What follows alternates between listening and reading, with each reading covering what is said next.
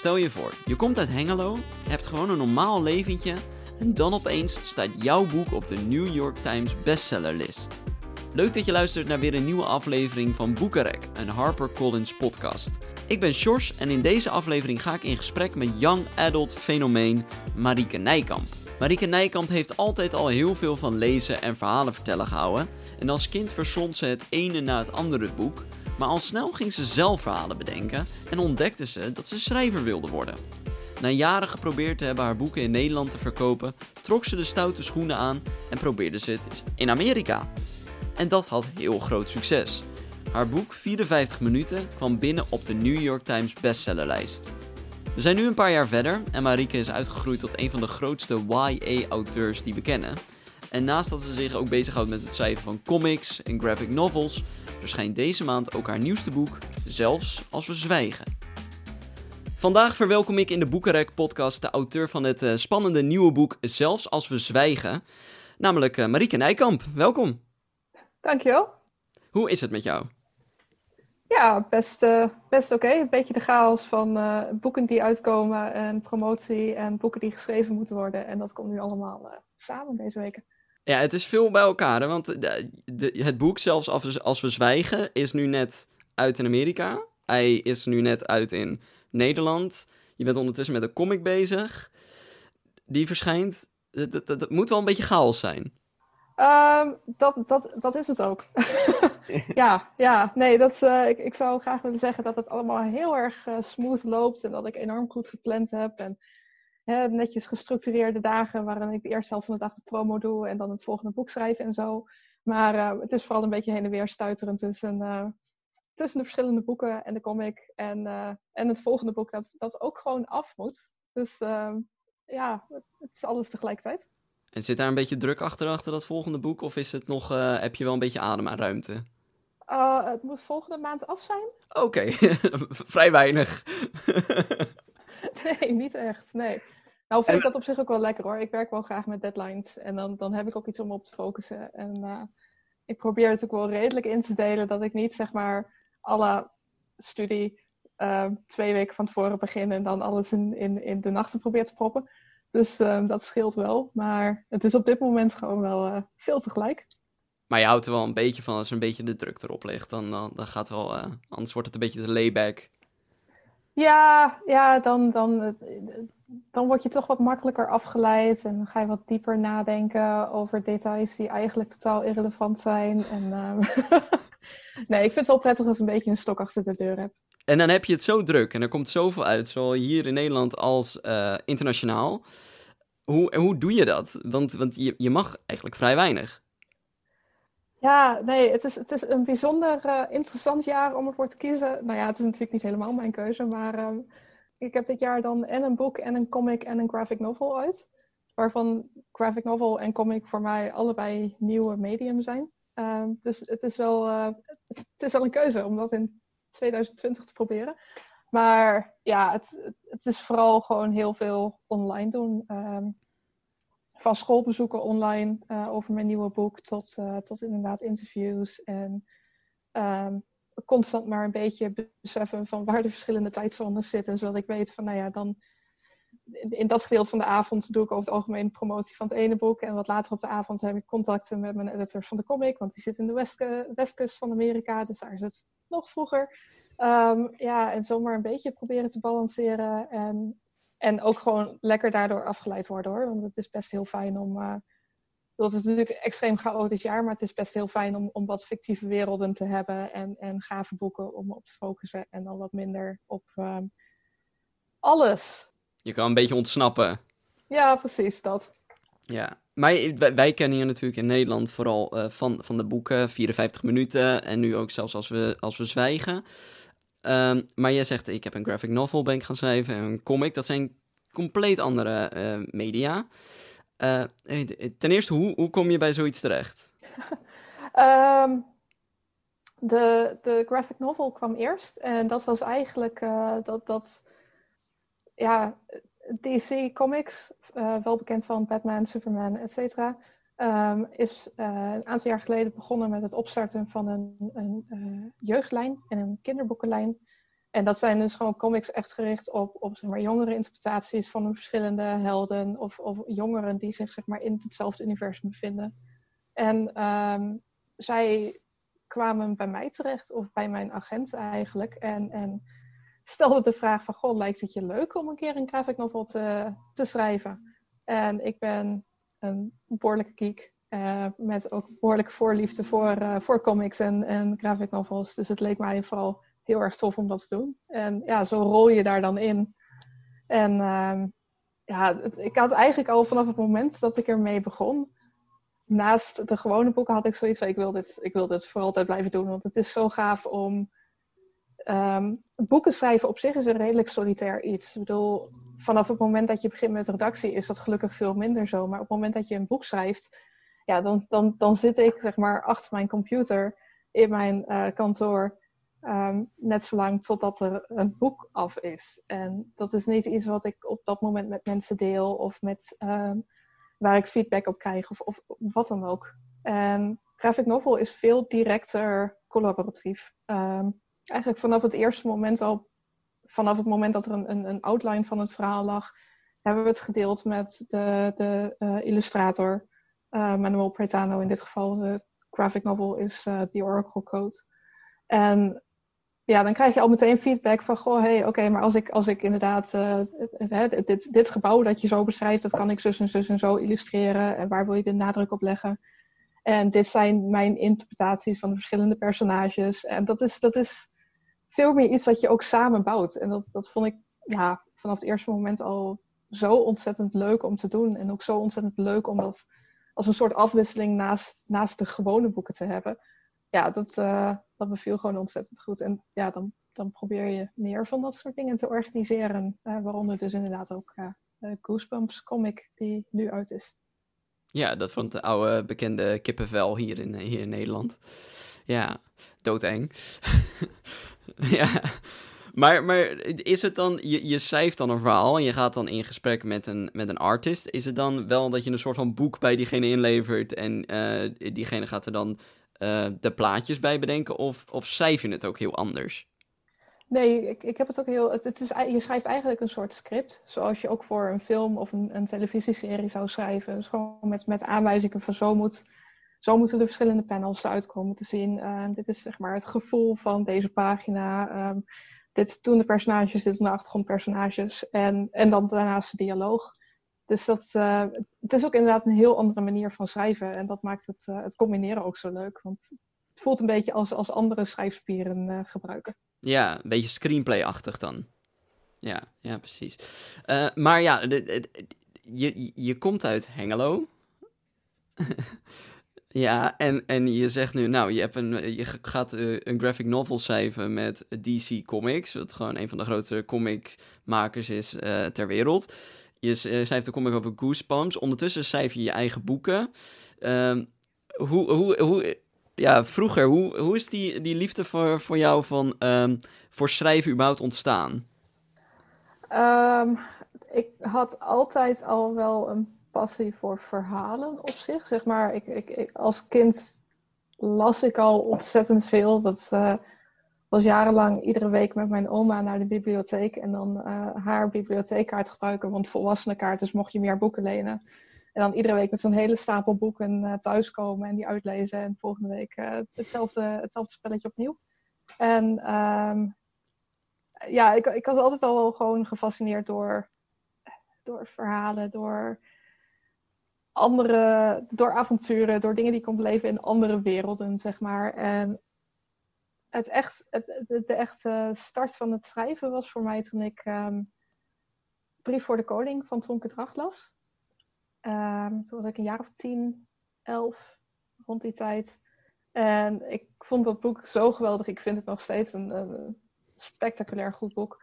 Um, maar ik herinner, herinner, me dat ik het las en het, het boek uit had en het omdraaide en weer opnieuw begon omdat ik zoiets had van ja, ik wil, ik wil in deze wereld blijven, maar ook, ook het idee had van ja, ik wil dit ook kunnen. Wat zij hier nou doet, zo'n heel nieuwe wereld creëren en, en, en mij als lezer het gevoel geven dat ik daar bijna onderdeel van uit mag maken. Ja, dat, dat vond ik zo bijzonder, dat, uh, dat wilde ik ook. Dus um, dat was eigenlijk het moment dat ik begon met schrijven. En ik denk dat mijn eerste verhaal ook wel enigszins geclassificeerd kan worden als zeg maar een soort fanfic voor uh, Brief voor de Koning. Uh, hetzelfde soort principe, hetzelfde soort personages. Maar dat, dat was wel waar, uh, waar ik de liefde voor, uh, waar voor mij de liefde voor het schrijven ontstond. En dat is eigenlijk alleen maar sterker geworden in de loop der jaren. En toen ik daar eenmaal mee begon, beviel het mij zo goed. En gewoon het idee hebben van je, je, zegt, je schrijft wat woorden op papier. En, en daarmee creëer je wat. Dat is een soort magie. Dat is, dat is ontzettend gaaf. Um, dus dat, dat, ja, dat ben ik blijven doen gedurende mijn tienerjaren en daarna. En wat, wanneer kwam dan die ene stap dat je dacht: oké, nu, uh, nu weet ik dit zeker. Ik ga proberen echt een boek te schrijven? Oh, dat was al vrij vroeg. oh. Het, was, het was echt al vanaf het begin dat ik zoiets had van ja, maar als ik dan schrijver, dat, dat, of als ik dan ga schrijven, dan wil ik ook boeken schrijven. Dus mijn allereerste boek schreef ik toen ik 13 was, denk ik. Dat heb ik ook netjes naar een uitgever opgestuurd. Daar heb ik ook heel netjes een, een daar heb ik nog ergens wel een kaartje van, van we hebben uw manuscript in goede orde ontvangen. Um, en vervolgens ook netjes te gekregen van nou, dat wordt helemaal niks.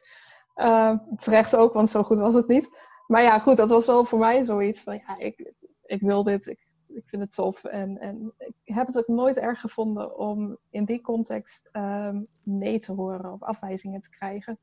Want voor mij voelde dat alleen maar als um, een soort onderdeel van het schrijver zijn. Het onderdeel van het spel. Ja, je kunt niet spelen als je ook niet af en toe accepteert dat je afwijzingen krijgt. En dat betekent alleen maar dat je ermee bezig bent en dat je aan het proberen bent uiteindelijk bij dat einddoel van een, een gepubliceerd boek te komen.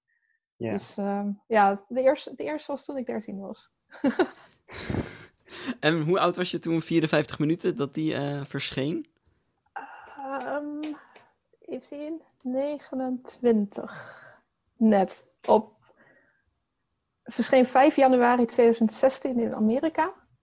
Um, dus het was een paar weken voor mijn verjaardag, 29. Oké. Okay. En dan, dan, het verschijnt dus in Amerika. Uh, hoe, hoe, je zegt, je, bent, je, ga, je gaf aan, uh, je stuurde je manuscripten op naar uitgeverijen. En, uh, maar dat, dat is in Nederland. Uh, neem ik aan. Hoe komt dan opeens een manuscript terecht in Amerika?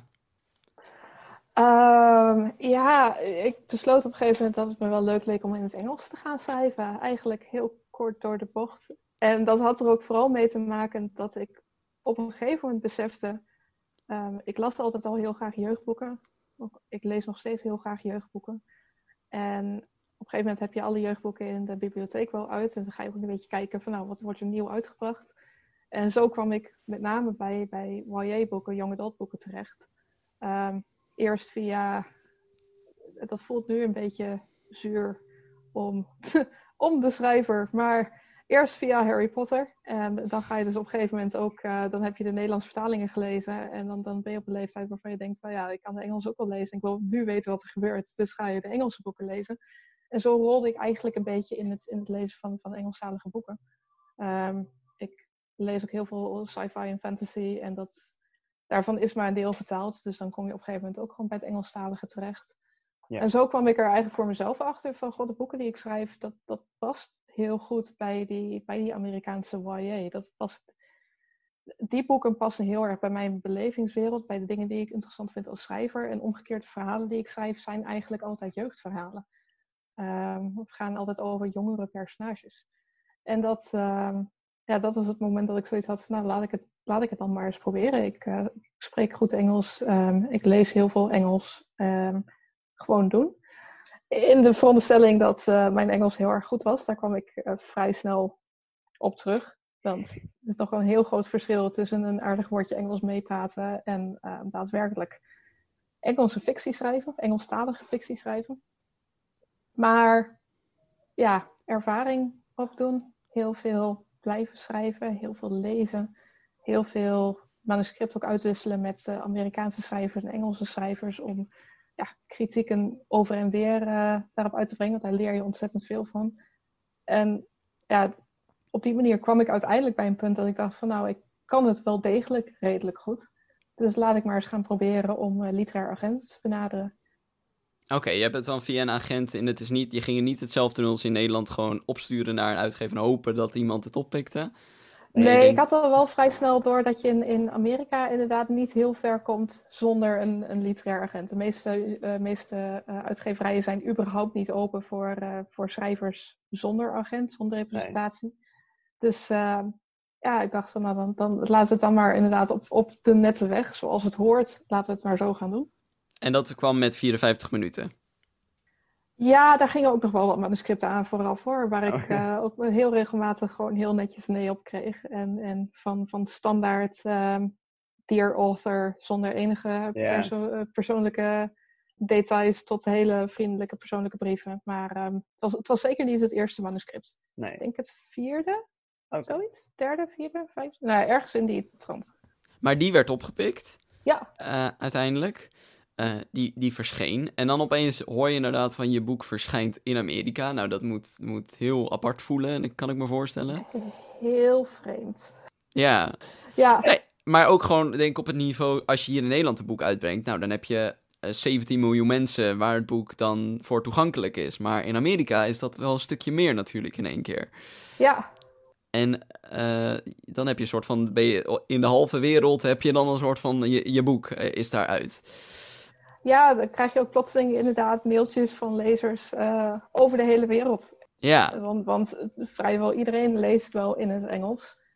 Um, dus dat, dat is een hele vreemde gewaarwording. Ja, en vervolgens sta je. Sorry? Nee, ik wil zeggen, ook gewoon om in. Ik was, uh, toen het boek uitkwam, ben ik ook een paar dagen in, uh, in Amerika geweest. Uh, dat was nog voor zeg maar langere boektours, maar wel om in de buurt van New York en de omgeving wat dingetjes te doen.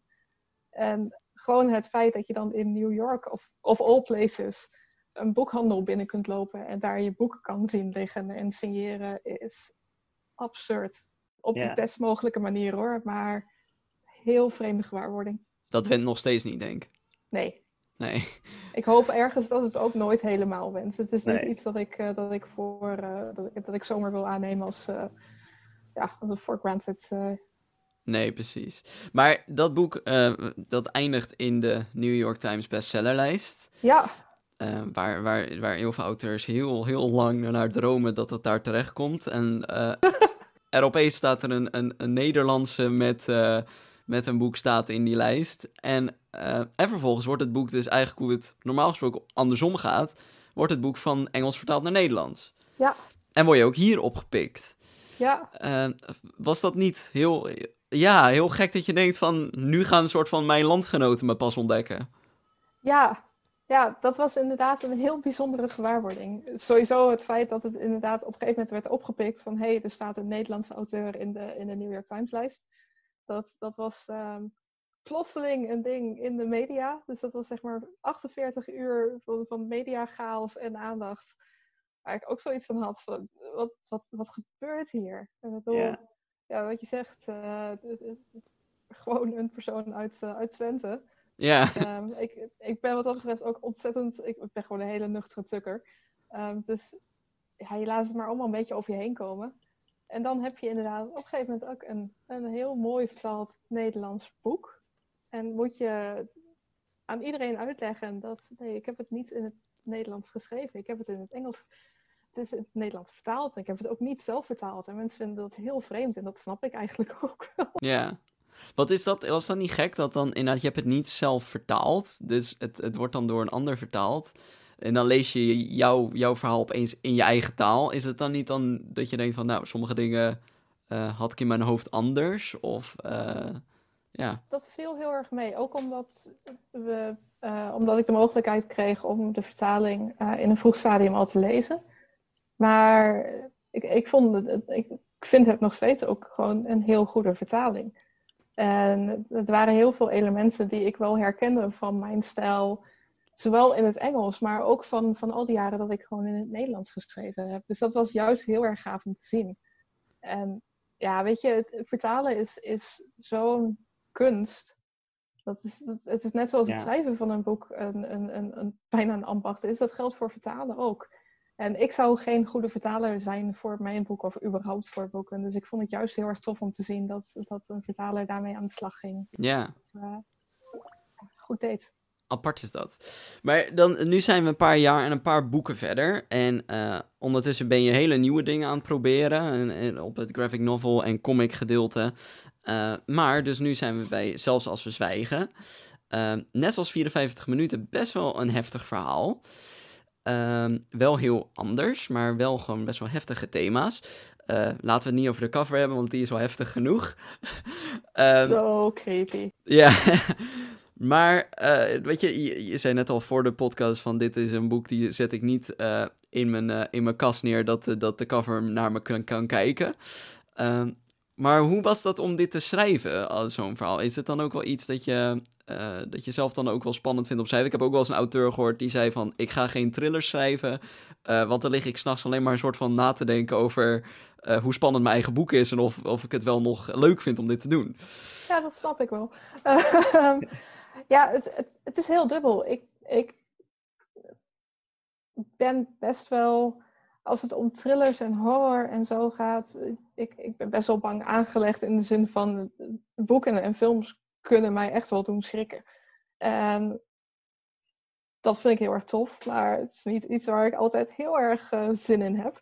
Nee. Dus ja, dan is een thriller schrijven natuurlijk eigenlijk een absurd idee. Ik lees graag thrillers, maar dan overdag als het licht is en de zon schijnt en uh, ik niet op heel korte termijn naar bed hoef, zeg maar. Dat idee. Nee. Dat je alles kan zien. Ja, precies. Geen, geen schaduwachtige hoekjes en dat soort dingen. Het voordeel van zelf een thriller schrijven is wel dat je op ieder moment weet wat er gebeurt. Dus er zitten geen, geen jumpscares voor, voor, voor mij in. Hopelijk wel voor mijn lezers zo nu en dan. Maar er is geen moment waarop ik niet weet wat er gebeurt. En dat, nee maakt het tegelijkertijd ook wel ingewikkeld om een thriller te schrijven. Want je hebt constant het idee van, is het wel spannend genoeg? Gebeurt er wel veel genoeg? Is het wel onverwacht genoeg? Want ja, ik kan, zeg maar, bij wijze van spreken achter het gordijn kijken en ik weet, weet wat, hoe alle, alle draadjes bij elkaar hangen, wat met elkaar verbonden is en wat niet. Um, dus het is dan heel erg zoeken naar hoe vind je dan de juiste balans tussen wat er moet gebeuren in een boek om het goed te laten werken, maar ook wat een, een lezer eventueel eng vindt. Ja. En dat, um, ja, dat, dat, is voor mij wel een van de redenen waarom ik thrillers schrijven over het algemeen iets minder zenuwslopend vind dan ze lezen. Maar. Um... Je, je, blijft, je, blijft natuurlijk wel in je, in je, in je boeken bij de, in de YA-kant. Uh, eh, zie je ooit nog in jouw toekomst iets dat je, dat je de YA-kant verlaat en dat je, dat je echt, uh, echt horror of echt thriller gaat schrijven wat niet per se voor jongeren bedoeld is? Of is dat wel een stap te ver en vind je dat YA gewoon veel te leuk? Ik, uh, ik denk, ik, ik vind het heel erg fijn dat wij in Nederland iemand als Thomas Oldeheuvel hebben die heel goed is in het schrijven van ontzettend enge horror. Um, ik zie mezelf dat niet op korte termijn doen ligt er wel heel erg aan of het juiste verhaal voorbij komt. Um, ik vind, ik vind YA geweldig en het zal ook altijd bij YA terugkomen, ook als ik uitstapjes maak. Um, maar voor mij is het uiteindelijk het meest, het, het, belangrijkste vind ik als ik, een, als ik met een boek bezig ga, is, is het, het, juiste verhaal vinden, de juiste personages vinden. En voor mij is, is dan de vorm en genre en categorie is daar toch tot op zekere hoogte secundair aan. Oké dus, dus, dus, ja, misschien, wie weet wat er, wat er eventueel nog voorbij komt. Ik denk niet dat het een soort soul-achtig slasher horror. Nee. Uh, dat, dat zie ik mezelf niet doen. Maar ja, zeg nooit nooit. In dit geval het lijkt me dat een redelijk uh, veilige. Er moet wel gewoon een goed verhaal in zitten, in ieder geval. Het is niet uh, horror om de horror en moord en dat soort dingen. Er moet wel gewoon een goed verhaal in zitten. Nee, ik vind, ik vind de emotionele kant wat dat betreft ook gewoon veel interessanter. Ja. En natuurlijk mag het, mag het best nu en dan schokkend zijn. En dat, dat wil ik ook zeker niet ontlopen. Maar het gaat me uiteindelijk veel meer om, om de personages en om hoe zij omgaan met wat er in een verhaal gebeurt. En hoe ik daar weer mee kan spelen. Dus dat, ja. Uh, ja. En is er nog iets uh, dat je, als je kijkt, uh, dat je denkt van nou, dat, dat zou ik echt nog een keer willen doen? Ja, weet je, er zijn altijd wel dingen die ook, ook dat vind ik lastig, omdat het, er zijn voor mij meer verhalen die ik echt wil schrijven of wil, wil uh, uitvogelen dan, dan, dan dat ik zoiets heb van, nou, ik wil altijd nog een keer een soort space opera schrijven of zo. Star Wars. Ja, ach ja, waarom ook niet?